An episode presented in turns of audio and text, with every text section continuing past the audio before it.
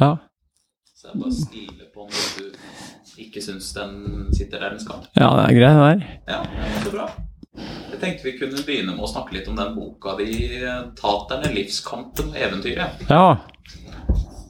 Eh, Så du kan gjerne bla litt inn i mikrofonen, så får jeg høre lyden av siden. Kom i 2000, da var det gitt ut i 2007, og så er den trykt på nytt i 2017, og så 90-2020, så den finnes fortsatt.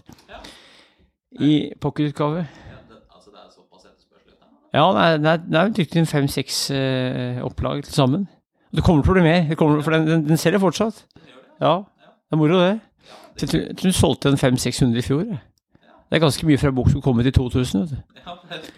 Ja, har du tenkt på hvorfor du skal skrive? Det var for at jeg hadde skrevet en hovedoppgave om tatere på folkeminne hovedfag. Og jeg var nysgjerrig på en del av taternes historie som jeg ikke visste om. Og så tenkte jeg, når jeg lager bøker, så er det ofte sånn at jeg har et emne jeg er interessert i, og så leter jeg etter bøker om det. Hvis ikke jeg skriver bøker, så lager jeg det sjøl. Så jeg skriver boka i stedet for å Når det ikke fins en bok om et emne, så skriver jeg boka sjøl. Det gjorde den boka her, og det var en stor jobb. Altså her før internett, jeg hadde ikke noe Jeg hadde ikke noe eh, Nettet var ikke Det fantes, men det var ikke, jeg brukte ikke nettet til å skrive boka her. Det var gammeldags research. altså Jævlig artig og stor jobb. Å. Nei, det jeg gjorde var også hadde en idé, og så satte jeg opp masse ideer på, for hånd. Og så begynte jeg å lete i litteraturen og kildene, og sånn holdt jeg på i flere år. Holdt på den boka her med Jeg samla jo jobba med tatere egentlig fra 1993 helt fram til 2000. Men boka den skrev jeg på de siste to-tre åra, med siden av at jeg jobba som lærer og skogsarbeider og skogplanter og for sånn. Så det var, men det var Det gikk litt tregere enn de andre bøkene senere, for at den første boka går ofte tregest. Det var den første store boka. Den første boka var jo en hovedboka i bokform i 1999, men det her var oppfølger til en, så det her er en stor bok som kom ut endelig høsten to, i august 2000. Ja. Og nyopptrykk, som sagt, i, senest i fjor, eller 2020. For Vi kan egentlig bare begynne på starten, for der presenterer du jo å en god del hva det opphavsteorier Ja. Mange opphavsteorier, og en av de er at de kommer fra India, at de er i slekt med sigøynere. Det tror jeg kanskje stemmer. Sigøynere dro ut fra India flere bølger, kom til Europa, Kreta 1338, Danmark, Norge, begynnelsen av 1500-tallet. En annen mener at de er i slekt med Karl 12. soldater som var nede i Tyrkia, blant annet. Andre mener at de kan være Kains fortapte stamme i Bibelen. Noen mente at de var jøder. Andre mente at de var stammer fra nordmenn. Så jeg tror det er Du kan helt sikkert finne I dag kan du finne DNA-tester.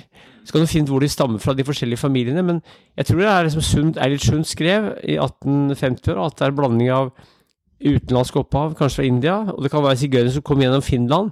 For det finske sigøynerspråket hadde et ordfellesskap på ca. 60% med det norske taterspråket romani, sa språkforsker Knut Kristiansen. Så han mente det måtte være en sammenheng mellom finske sigøynere som kom til Norge på 1600-tallet, kanskje, eller 1500-tallet òg. Altså, sigøynere kom gjennom Russland og Finland.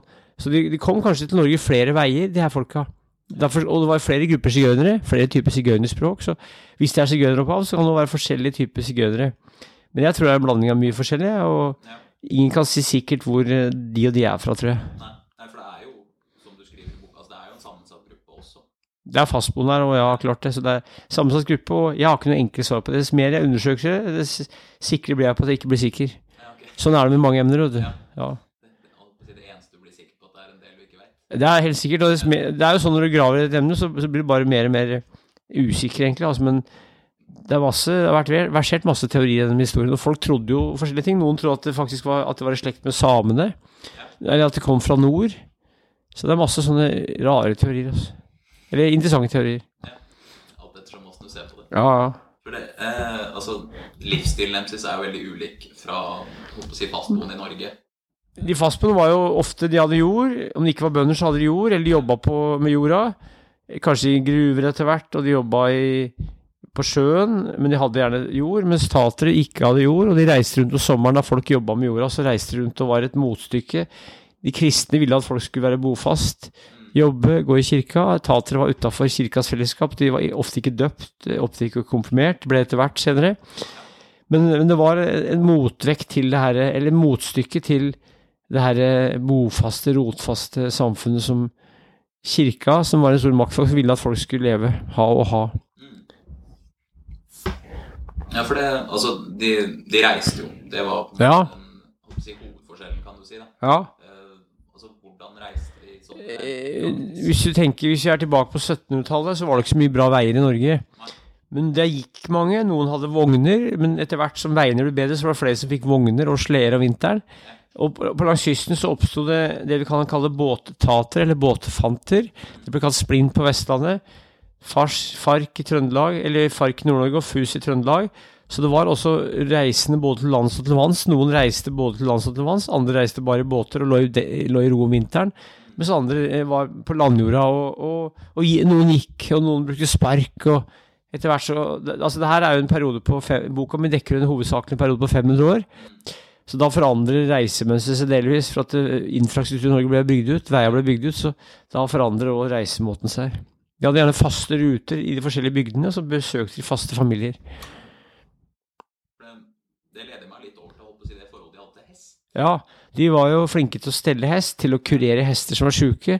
De kastrerte hester. Hester var jo viktig som transport, var viktig i militæret. Så de hadde ofte jobber eller oppgaver i forbindelse med militæret, sånn som Gardermoen, hvor det var militærleir. Der var det mange tatere som drev De var flinke hestekarer, og det var også et uttrykk som het å være rakker. Det var folk som tømte Det kunne være nattmenn. Nattmenn var folk som tømte dassa i byene. Det kunne vært halv tre. Nattmannen kunne være rakker. Det var han som tok døde dyr fra gata. Eh, Og det var blant annet eh, katter og bikkjer som var døde, og han som kastrerte altså hester, det var rakkeren. Ofte var det tatere som var rakkere, påtok seg sånne jobber, for de kunne det, og det var et yrke som ble ansett som være uærlig, sosialt uærlig. Så du ble smitta av en sosial urenhet hvis du hadde yrke, og de ble stigmatisert, men tatere trivdes på utsida av samfunnet, så de tok sånne jobber bevisst, for da beholdt de statusen som utenformennesker. Er, er, er det der det norske ordet rakkerunge kommer fra? Det er det, ja. Fytti rakkeren, rakkerunge, ja. Ja, ok. Ja, da vet jeg. Det kommer av det tysk, nedertyske Sorachen og Flå, kanskje? Jeg vet ikke. Det står i boka. Eh, Så, så, så, så det er noe sånt eh, sammenheng med det. og Tatere var flinke hestefolk, og de hadde jo, solgte jo hester og tjente penger på det. Det var business, og i tillegg at det var transport. Det var en veldig sånn artig anekdote du hadde med, med, en hest, med et hestesalg. At det var en bonde som var veldig misfornøyd med, med, Ja, med hesten sin og skulle selge den på et marked. Så, så endte han opp med å kjøpe samme hesten, bare at eh, den, han hadde, tateren hadde vel gitt eh, hesten en drink eller noe sånt, tror jeg. ja og så hadde han ikke malt noe. Jo, jeg tror det. Forandra fargen på, så, så bonden kjøpte samme hesten to ganger og ble lurt. og tateren tjente bra. Artig, det. Ja, ja det, er, det er veldig mye sånn artig sånn småanekdoter. Ja. Mhm. Eh, Jeg tenkte på hva, for, hva for slags språk hadde de? De hadde et språk som heter roman eller romani, og det er et språk med ord fra indisk. Det var tatere på Østlandet og Trøndelag som prata, så hadde de noe som het rodi på Sørlandet og vestlandsrodi. Splint het de på Vestlandet, de som reiste. Tatere på Sørlandet. Så det var i hvert fall tre språk på en tatera, men det var blandingsspråk hvor det var norske ord og taterord, romaniord. Det fins ordlister med det der. Jeg er ikke noen ekspert på språket, men det fins ordlister. Rodi ble sagt å være mindre fremmed enn romani, som hadde mer Det var låneord fra mange språk, altså, men annet fra sanskrit i India. Indisk. Ja, ja, for du, du nevner vel også at de ha, hadde holdt på å si litt sånn innbyrdes tegn også? Ja, ja, sånn tegnspråk som de brukte som Det sies at det kanskje oppsto under svartedauden, da folk hadde pest, men de hadde et tegnspråk som de brukte langs veien for å varsle andre tatere om hvor det lønte seg å gå, hvor det ikke, ikke lønte seg å gå, hvor det var mat å få, hva du skulle si og sånn. Så de også, det ble sagt at de hadde et øyespråk hvor de kommuniserte med øya. Hvis de f.eks. to stykker drev og solgte en hest, så kunne de kommunisere med øya og gi signaler til hverandre uten at motparten skjønte hva de drev med. Jeg holdt på å si, altså sånn mimikk? Eller? Ja, mimikk, ja, ja. Med ansiktet, ja. ja. Øyespråk eller ja, noe sånt. Jeg er ikke helt sikker på hvordan det var, men at det var med måten å bruke øya på, det er jo mye rart du kan gjøre med øya. Ja, Ja, hvis det er faste signaler, så, så, så De hadde mye sånne interne ting som de bare de drev med, som ikke vanlige folk visste om, og som Tatra visste om. Sånn er det litt enda, men det var mer av det før. er det, altså, tror du det er sånn på grunn av internett? At det kan være så enkelt at det er mindre av det? i dag? Jeg tror det er mindre tatere som reiser på gamlemåten, så jeg tror det er mer at uh, kulturen ikke har blitt utvanna, men at uh, den forandrer form, og så, og så reiser de med bil i stedet for hest, og i stedet for å gå, så det, det, miljøet blir annerledes. Og de selger kanskje ikke ting sammen med andre. De, hvis de selger, så selger de kanskje alene. Det, det er mindre sånn salg på gamlemåten, sånn fra dør til dør, sånn det var ofte. Ja, ja, det er det. Mm.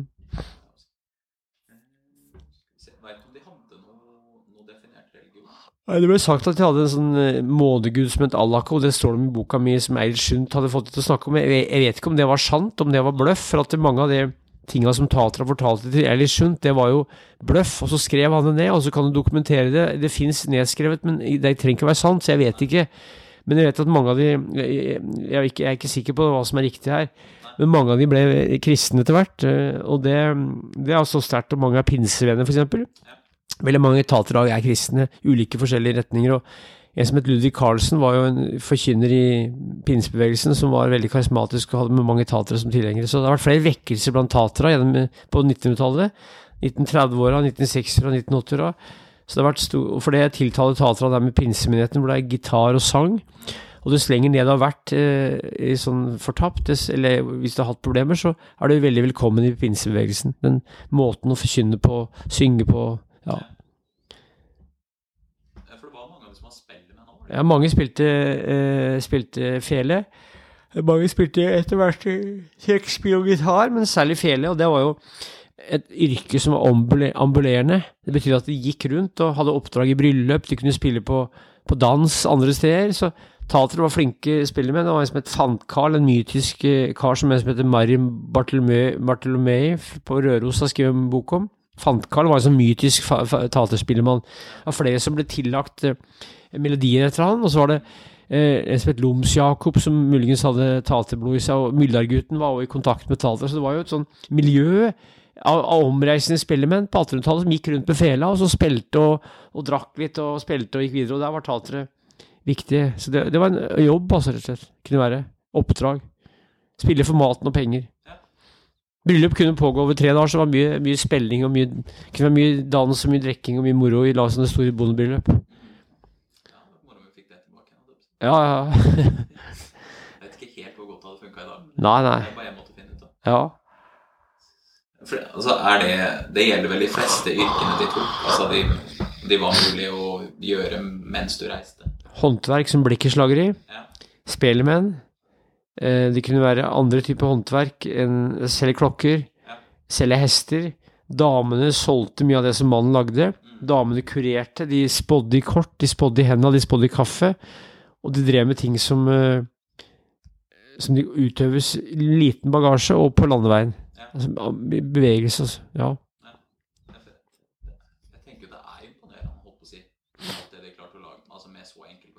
det er skikkelig imponerende at de, at de overlevde. så hvis du ser på en del av det teaterhåndverket som var lagd med veldig enkle redskaper, kanskje kniv eller noen andre sånne små ting, så de var veldig sånn hente, altså praktisk anlagte, de kara. Kvinnfolka var flinke til å overleve, få tak i høy, få tak i nok mat, finne god plass å sove. Hos kara de utnytta ståltråd, um, piggtråd og masse sånne ting i naturen som de kunne bruke til Eller ting som de kunne bruke til å lage ting, altså. Ja. Det har jeg aldri, aldri hørt om. Nei. Nei, det er kanskje, der er det kanskje avhengig av ja. Større materialer og mer kanskje høvelbenk og sånne ting. De skulle kunne gjøre det egentlig sittende ute. Ja. Så det var en slags taktikk at de skulle Ja.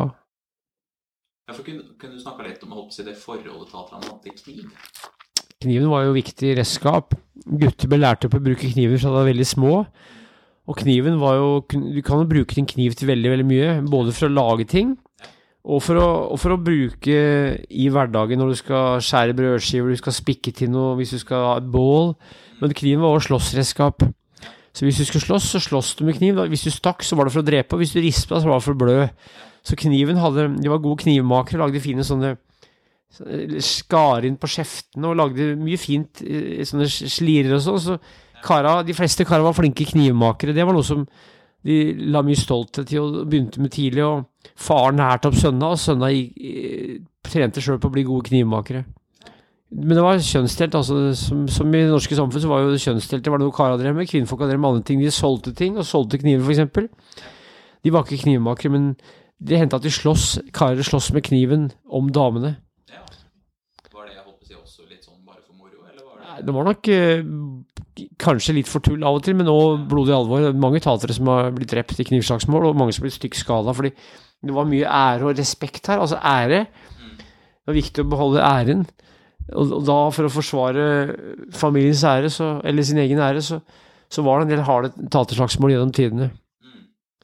Ja, Veit om det var holdt si, mellom fastboende Det var det òg. Det var både slagsmål mellom tatere internt og mellom fastboende og tatere.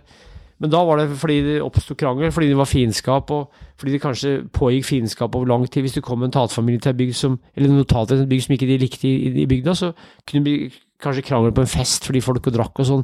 Pluss at tatere møttes jo hvert eneste år, flere steder. Familier kunne ha 100-200 tatere om sommeren. Eksempel store sånne brylluper eller fester på, på, på sånne sletter med telt og musikk og sånn. Og da, da hendte det at det oppsto slagsmål. Ja, fa- eh, Når du nevner musikk, jeg tenker på å si, hva var særegent for den musikken de si, hørte på eller lagde? Det var ikke nedskrevet. Ok. Verken, verken toner eller eh, ord, så vidt jeg vet. Det var muntlig overlevert, tradert, som mye norsk folkemusikk var. Og den kunne spilles eh, gitar eller trekkspill eller munnspill, eller, eh, eller synges egentlig uten instrumenter òg. Mange sang jo bare. Så det var, det var noe som ble lært fra mor til datter og far til sønn. og De satt og sang rundt leirbålet om kvelden og, og, og lærte, unga lærte sangene egentlig sånn naturlig. Kanskje en del lærte de sangene uten å kunne lese. Det var noen som var analfabeter i gamle dager, så de kunne lange sangtester og historier uten å kunne lese. Fordi alt var muntlig tradert. Overlevert, tradert, altså. Ja. Ja, for det gjelder vel egentlig alt de har av Ja. tradisjon. Ja, ja. Det var ikke bøker.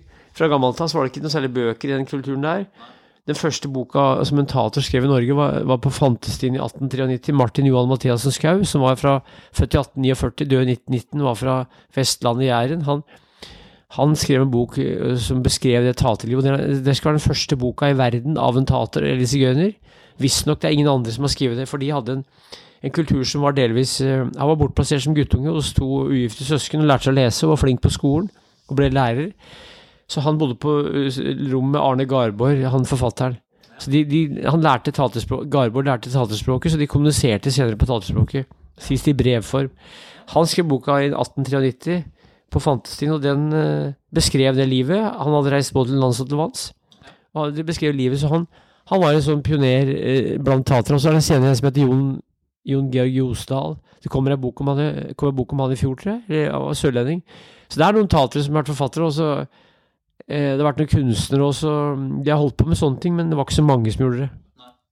Altså var det fordi at holdt på å si, livet deres i utgangspunktet var Altså, kunst og litteratur er jo Kall overskuddsprosjekter, da. Ja, Så det var på en måte altså, for å holde seg i live på en måte jeg, jeg, jeg, vet ikke, de levde jo utafor samfunnet, og det var mange som var gode til å synge og gode til å fortelle. Men for å være kunstner så, med bøker, så må du jo ha tilgang på trykking av bøker, og du må ha et forlag, og de levde utafor dette her, vet du, så det var kanskje noe av grunnen. Og han Skau, han var jo en del av det etablerte, for han var lærer, og han, han bosatte seg i Skudeneshavn. Han døde der i 1919, så han reiste rundt som kramselger på Vestlandet med et blått skrin på ryggen. Så han, han var en ganske sånn kjent person i mange år, og han eh, fikk da kontrakt med et forlag for at eh, vet, For 100-150 år så var det ikke så lett å få gitt ut en bok. Vet du. Uansett for hvem som helst, og kanskje enda verre hvis det var en tater som ikke hadde noen kontakter i bransjen. For hvis vi kan gå litt tilbake til den eh, på Fantestien Ja, Jeg bare tenkte på Den beskriver vel en gjennomsnittlig taterdag, gjør den ikke det? ja han gjør det. Ja, altså, Hvordan ser den ut? Ja, det, han beskriver taterlivet i 1880-åra, er det ikke det? Boka kom i 1893. Og det var jo avhengig av årstiden. Eh, eh, nå har ikke jeg lest den boka på 20 år, men hva som står akkurat Nei, men altså, det, det, det, er jo at de reiser om Om vinteren så lå de ofte i ro. Så begynte de å reise om våren. Mars-april, eh, enten til lands eller til vanns. Så da sto de opp. eh, Når de reiser, så, så, så overnatter de ofte ute. Overnatta på låver, på flatseng på et gulv på en bo- eh, bondegård, hvor de la halm på gulvet, så sov de der. Og da var det å stå opp og så lage seg noe mat. Og hvis kara drev med håndverk, så drev de og spikka og flikka på ting. Damene kunne gå rundt i bygda og selge ting.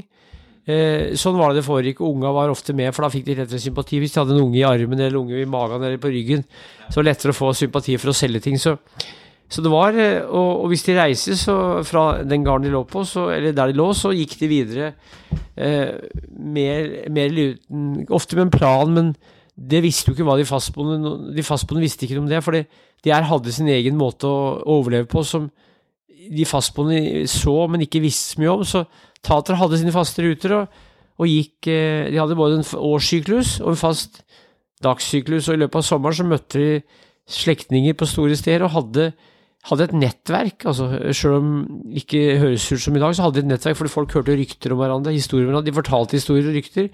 Så de var jo nyhetsbringere.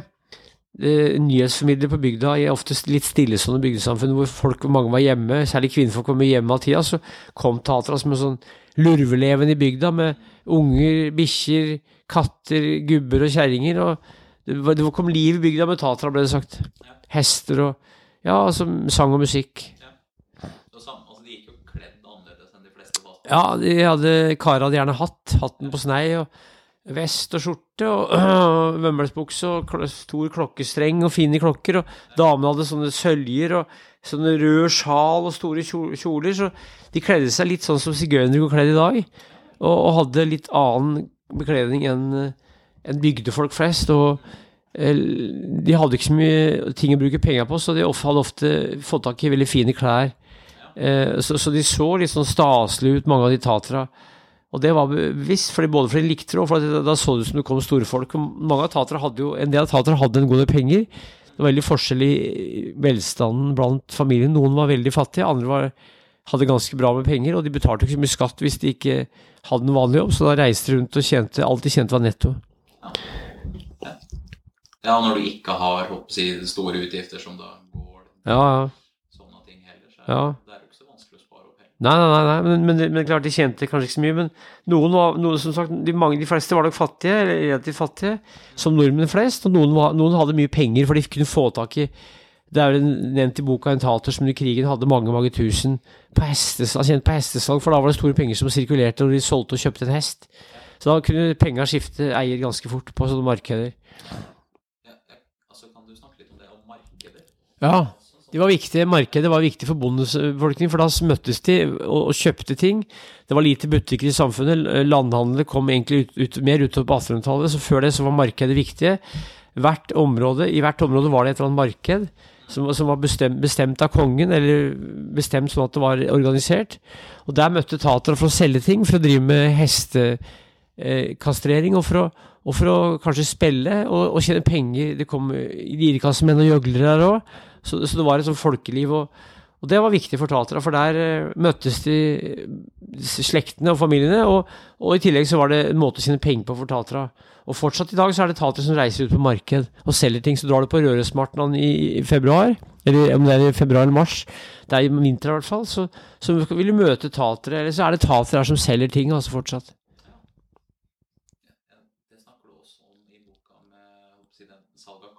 Ja,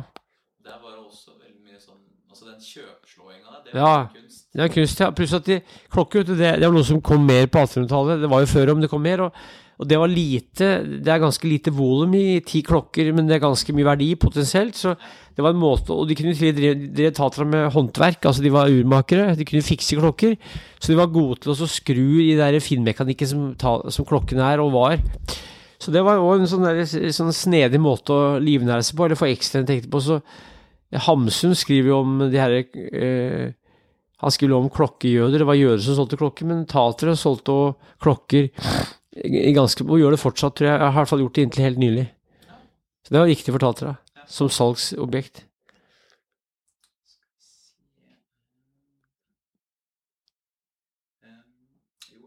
Sånn.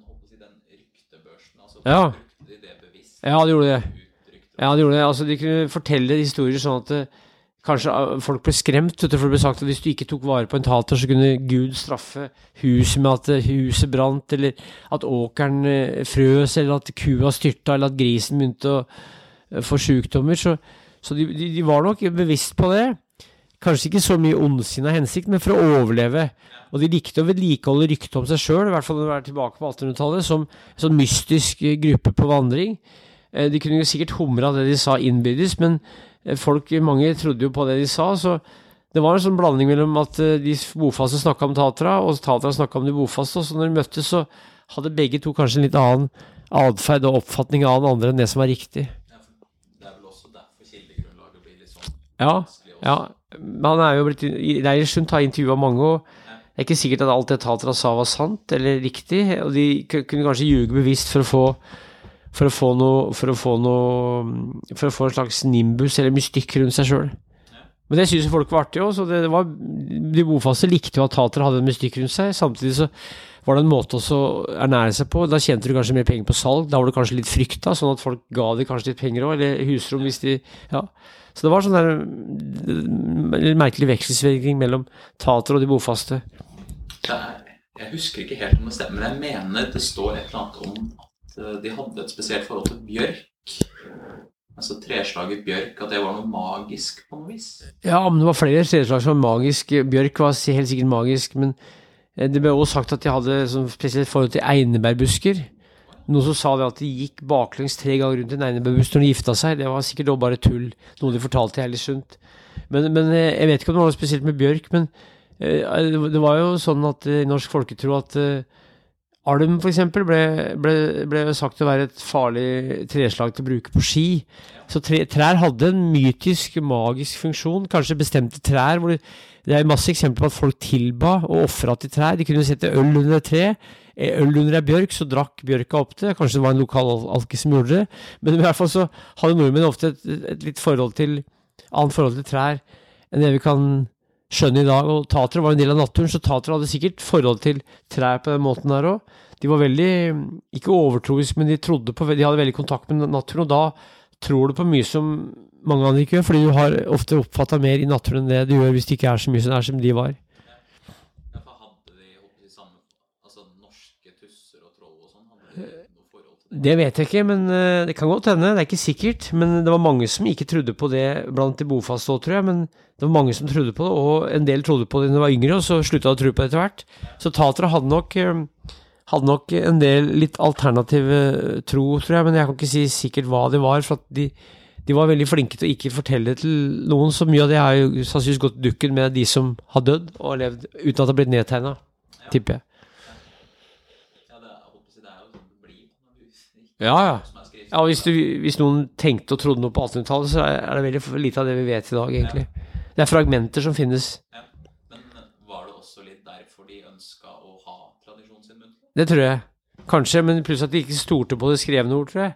For de opplevde at uh, hvis du f.eks. ble dømt til fengsel, så var det en dom som var skriftlig. Hvis du, hvis du gjorde noe i kirka, så var det dom, og hvis det sto skrevet, så kunne det være veldig seriøst. Og de oppfattet ofte det skriftlige som noe negativt, eller farlig, eller skummel. fordi hvis du ikke kan lese, så er det mange som ikke har De har kanskje en respekt eller, en lite tiltro til det skrevne ord. Så det hadde noe med å gjøre at, det- at det skriftlige var representert ved offentligheten, altså lensmannen, kanskje en eh, prest, og de hadde mye makt i samfunnet til å, til å tvinge etatene til å gjøre andre ting enn det de ville gjøre sjøl. Så det kan være en grunn til at de de var litt sånn forsiktige med å lese. For pluss at de som var eldre blant tatere, visste at hvis du leser, så, så blir du mer sugd opp i den bofaste kulturen. Skal du holde på ditt, så er det bedre, fordel å være analfabet. Sånn som sigøynere i dag. Det er mange av de som har vært motstandere av å kunne lese, for da, da, da får du heller ikke noe jobb. Altså, hvis du ikke kan lese i Norge i dag, så er det vanskelig å få jobb. Ja. Mm. Er det litt derfor også de ønsker, for altså de ønsker å være på utsida? Det kan godt hende. Altså, det kan godt hende. Det ja, var nok forskjellig syn på det der, men jeg tipper det at det hadde litt å si. Altså.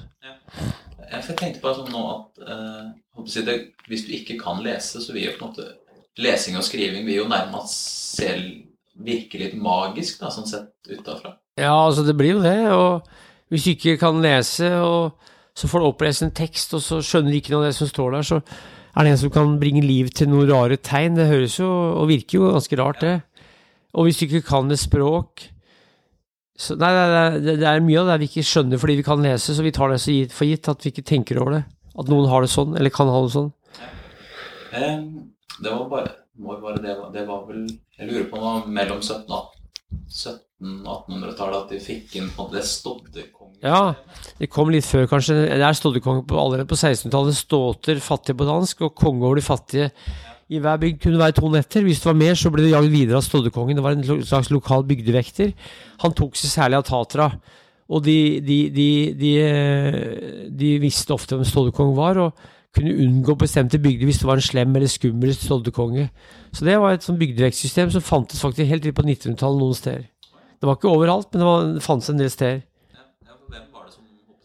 Det kunne være en sterk gubbe i bygda som ville ha litt ekstra penger. Det var gjerne betalt per dag i oppdrag. Hvis en f.eks. var på ti oppdrag i måneden, så fikk en så og så mye kroner.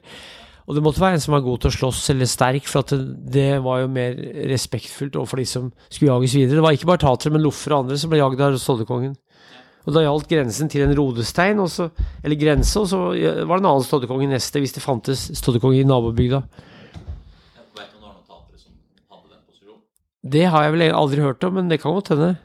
Kan godt hende. Ja, for jeg tenkte, Det må nesten være den ultimate holdt fastboende jobben. Ja, ja, ja, for de, ja, ja, ja, ja, ja. Men, da, men da skal de altså jage sine egne videre, så er det ikke sikkert de likte å ha, sånn, sånn, ha en sånn jobb. Tipper jeg. Nei, jeg skulle, vi kan jo snakke litt om si, litteratur Ja, ja. hvor tatere er portrettert. Ja, Det, der har du en god del eksempler. ja. Jeg husker selvfølgelig ingen nå. Nei, nei, nei altså Brand, skuespillet av Ibsen, der er det jo tatere med. Og Hamsun nevner jo tatere. Så har du Gabriel Scott, som har skrevet tre kjente bøker. Tat, Fant, Josefa og Sjøpapegøyer. De kom inn i mellomkrigstida. Og Fant ble jo en film som Tankred Ibsen regisserte, veldig, med Alfred Mørstad i hovedrollen, slutten av 30-åra. Så, så det, det er masse forfattere som har blitt inspirert av tatera. I utlandet det en som heter Walter Scott, som ble inspirert av eh, av sigøynere. Det var en sånn bølge altså, sigøy, altså en sånn popularitetsbølge på begynnelsen av 1800-tallet hvor mange var opptatt av sigøynere.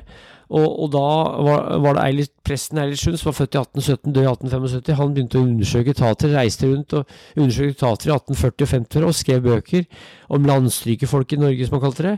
Og det er jo ikke, det er ikke skjønnlitteratur, men det er sakprosa. Og han rapporterer og får rapporter fra pester. så så det, det kommer stadig Per Sivle skrev om tatere. Altså det er masse norske forfattere som har skrevet om tatere. Hvis du går til boka mi, så er det nesten altså det, kom- det kom filmer i mellomkrigstida, og, taterbøker kommer det fortsatt ut. Altså. Det kommer fortsatt ut. Det er en som heter Jane Myse, som har skrevet en hel serie om tatere på 2000-tallet. For en damebøker. Sånne serieromaner som har solgt massevis. Så, så tatemotivet og tateren er fortsatt et emne i populærlitteraturen.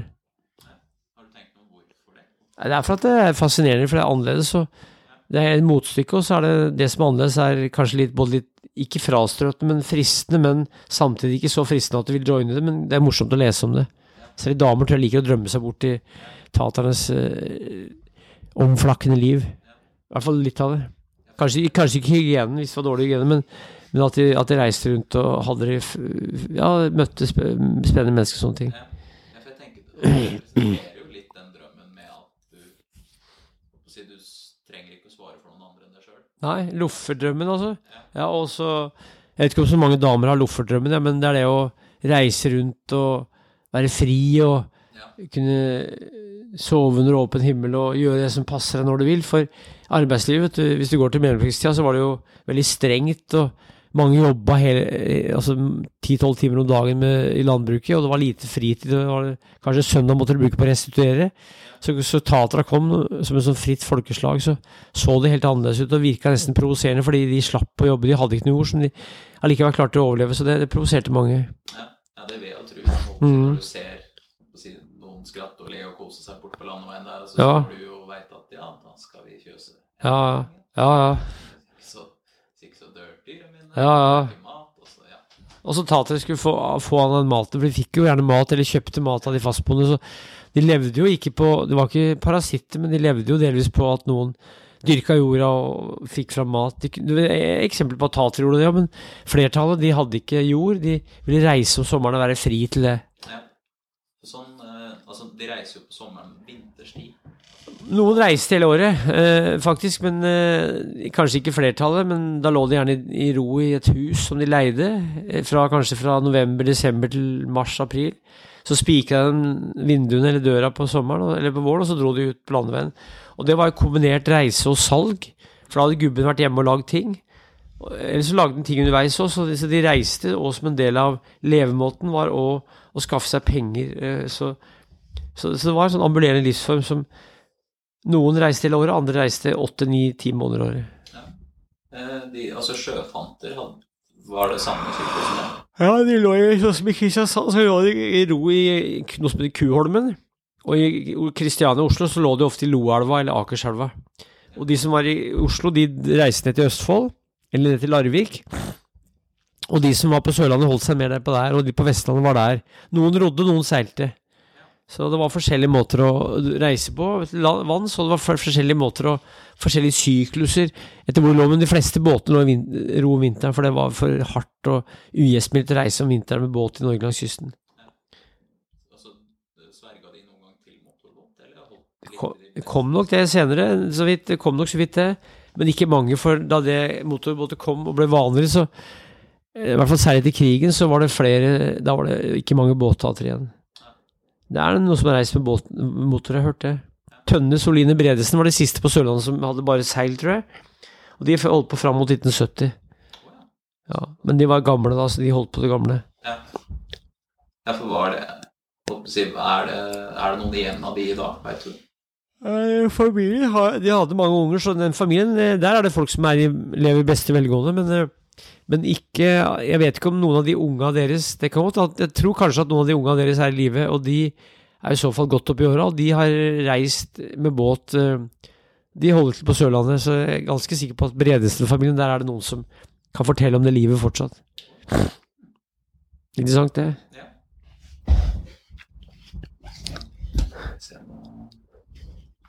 Jeg, jeg bare tenkte litt på eh, en, organisasjon som holdt på å si ja, eller bare en, altså Norsk misjon blant hjemløse. Ja. De har hatt litt å si for tatterens historie i Norge. Ja, det ble stiftet i 1897 av Jakob Valnum for å tvangsbosette tatere. Og det var familier som ble plassert på Svanviken arbeidskoloni på Eide på Nordmøre fra 1908, og da var det fem års arbeidsplikt. Tatere visst, ville jo helst ikke drive med jorda, for det var, det var, det var sånn skamfullt for en kar å jobbe med jorda. Så, men ble, da de trua med at de skulle miste unga hvis de ikke ville jobbe der, eller bo der. Så der var det mange som ble bofast, og Misjon tok unger fra foreldre og plasserte på barnehjem. Ca. 1500 unger. Hadde flere misjon, misjonsbarnehjem rundt i landet. Så det var, det var en organisasjon som fikk mye å si for, for folk for Tatra. Noen mente det var positivt, andre mente det var negativt. For det var mange familier som led, mange unger som led i mange familier, eller i hvert fall en del. Men det var veldig forskjell på for familien. altså Noen klarte seg bra, andre klarte seg mindre bra. og Noen familier ble ramma av misjonen mer enn andre. I negativ forstand, altså. Ja, jeg holdt på å si, vet om det var holdt på å si, bevisst forskjellsbehandling? Jeg vet ikke, men noen familier det er Sånn er det blant de bofaste, og noen familier klarer seg bedre enn andre, og noen er mer såkalt ressurssterke enn andre, så det var nok en forskjellsbehandling som varierte fra person til person som hadde med det å gjøre, men det, det er mye rart i den historien. Altså, jeg har jo snakka med ganske mange som har vært borti det, og jeg har forskjellig syn på saken, og jeg snakka med en press som hadde med misjon å gjøre, og han, han mente at jeg var eh, veldig sånn frekk som kritiserte Misjon, og mente at jeg visste ikke noe om og sånn, men jeg prøver å bare basere meg på det som jeg har hørt de forteller de som har vært her, og hva jeg har lest som jeg anser for å være pålitelig.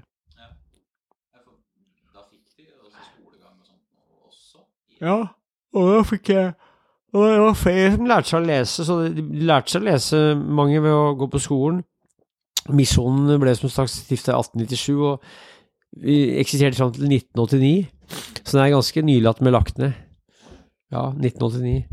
Og den holdt på gjennom nesten 92 år, altså. Solid. Ja, ja, det er det. Eh, jo, altså Har vi snakka om Eilert Sundt? Jeg har nevnt den, han var født i 1875 i Farsund og vokste opp der, og så et, eh, et taterkone i oppveksten, og da han jobba på tukthus i Kristiania, så så han en, en tater, og fant at det var en type som snakka et språk med annet ord fra sanskrit, og Sund fikk stipend til å gå rundt i Norge og skrive, s- samle inn stoff, og skrev, som jeg sa, eh, om landstrykerfolk i Norge. Han tok eh, initiativ til å tvangsbosette tatere i 1850-åra, så det ble et tiltak som kom direkte fra han, delvis.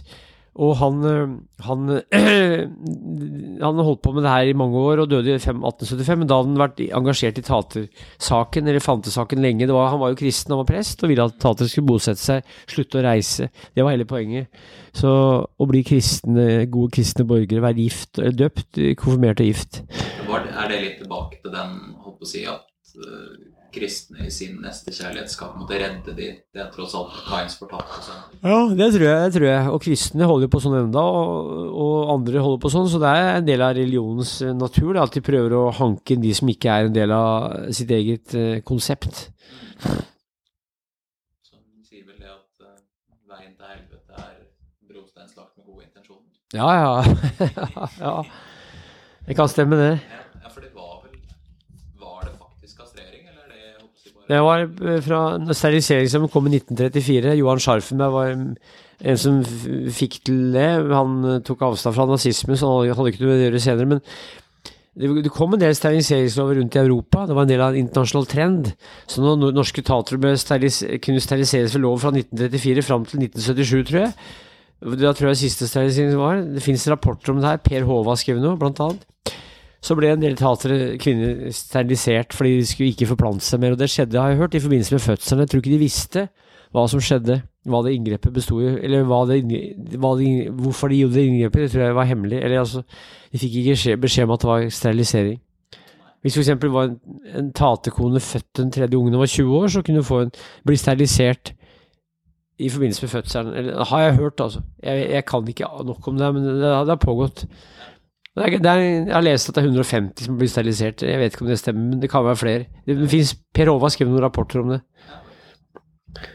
det, Akkurat det var Når du nevnte tatekone, det, det, beskriver du også litt sånn artig med på en måte den overgangen som på å si, taterne går igjennom på en måte med på grunn av det livet de lever, da. Ja, Sånn utseendemessig. ja, At du på en måte går fra den vakre, unge piken til på en måte en mer dratt, sliten, gammel kone, egentlig. Ja. Tidlig, det blir jo det, for det var et hardt liv. Fikk til 8-10-12-15 unger, og fødte unger på stallgrov rundt omkring. Så det er klart at det var hardt. Det var mye sol, det var mye vind, det var mye kalde netter. mange av dem var veldig pene, jentene og kara var kjekke, og særlig damene levde jo veldig hardt, altså i betydningen at de, det tærer jo på kroppen å få 8-10-12 unger som mange fikk, og i tillegg så var det slitet med å overleve og, og må skaffe seg nok mat, så de kunne se stilige ut, men allikevel se litt eldre ut enn det var, og stase oss opp med søljer og ringer og sånn, så, så var det litt sånn, mange av de var flotte damer allikevel, som de så litt sånn sliten ut for alderen. Tror du det også var litt derfor holdt på å si at de ble litt mislikt? Holdt på å Si at de var penere enn gjennomsnittet? Nei, ikke penere, men det var ikke alle tatere som var, som var mørke. Noen var lyse og blåøyde, det varierte, men de hadde en, De gikk rundt i stasklær hele tida ofte. Så mens vanlige folk hadde hverdagsklær i hverdagen, så, så var det en del tatere som gikk rundt mer, særlig kvinnfolk, i stasklær, altså. Med ekstra mye sånne søljer og smykker og sånn. Så de så litt mer staselige ut, for at de hadde ikke noe annet sted å ha klærne enn på kroppen. De hadde ikke noe klesskap å henge i, og de hadde kanskje ikke noe sted å legge i De hadde klær i bagasjen, eller sengetøy i bagasjen. Så, så mm, det har noe med å gjøre at de, at de bar det på seg nesten alltid, særlig damene. Da, jeg har egentlig bare ett spørsmål igjen. Ja, Holdt på å si, litt sånn føljetong jeg har hatt med en, eh, holdt på å si, en hverdag. Ja. For meg, som forfatter. Jeg våkner tidlig om morgenen, og nå er det april, og da eh, hender det at jeg løper ganske tidlig. Jeg løper en tur, i en halvtime, 40 minutter i dag løper jeg en halvtime, og så sitter jeg og skriver noen timer, inntil tre timer cirka. Jævlig konsentrert, og da kan klokka være 11 eller halv 12 når jeg er ferdig. Da, da drikker jeg kanskje, eh, kanskje litt vann, spiser litt. Jeg spiser ikke så ofte før jeg skriver. Og så, hvis det er noe viktig e-post, så svarer jeg på det. Er det noen telefoner som kommer, så svarer jeg på det. Og så kan jeg gjøre annen type litterært arbeid enn å skrive. Jeg kan ta utskrift av det jeg har gjort. Jeg kan ringe noen, jeg kan intervjue noen, jeg kan dra til byen hvis jeg har et ærend der. Eller ærend legger jeg ofte etter lunsj, sånn at jeg skriver om morgenen. Så hvis jeg har trent om morgenen, så er jeg ferdig med det. Og hvis jeg ikke har trent om morgenen, så løper jeg eller, eller går på rulleski eller går på ski om ettermiddagen. Og så trener jeg ofte styrke litt, eh, kanskje tre dager i uka, eh, men ikke så lenge. Men jeg gjør ofte hjemme. Og om kvelden så kan det være foredrag. Eller eh, ikke noe jobb i det hele tatt. I går var jeg i, Vestfold, og i neste uke skal jeg til flere steder. Så det, det der bare litt avhengig av hvilken årstid eller måned det er. For om sommeren så er det jo ikke noe foredrag. Men vinter er det mye foredrag, og høsten sånn. Men det går på det jevne med, med litt eh, skriving hver dag. Og jeg prøver å få til Jeg prøver å drive på jevnt, sånn at eh, jeg prøver å drive på å gjøre, gjøre noe med bøker hver eneste dag. Men jeg har ikke noe sånn Jeg følger ikke klokka. Men jeg, men jeg spiser jeg pleier alltid å spise lunsj eh, eller formiddagsmat klokka halv tolv. Og så spiser jeg middag litt senere. Men, men jeg prøver å ha noen sånne faste rutiner. Og trening er det fem-seks ganger i uka. Jeg trener ikke hardt, men jeg trener allsidig og beveger meg i sko- i skogen. Det høres bra ut. Ja, gjør det. Skal vi si det sånn, så åpner jeg den eh, døra for litt frisk luft. Ja, 40 minutter var det cirka? Ja. Ja, bare, litt litt oksygen her.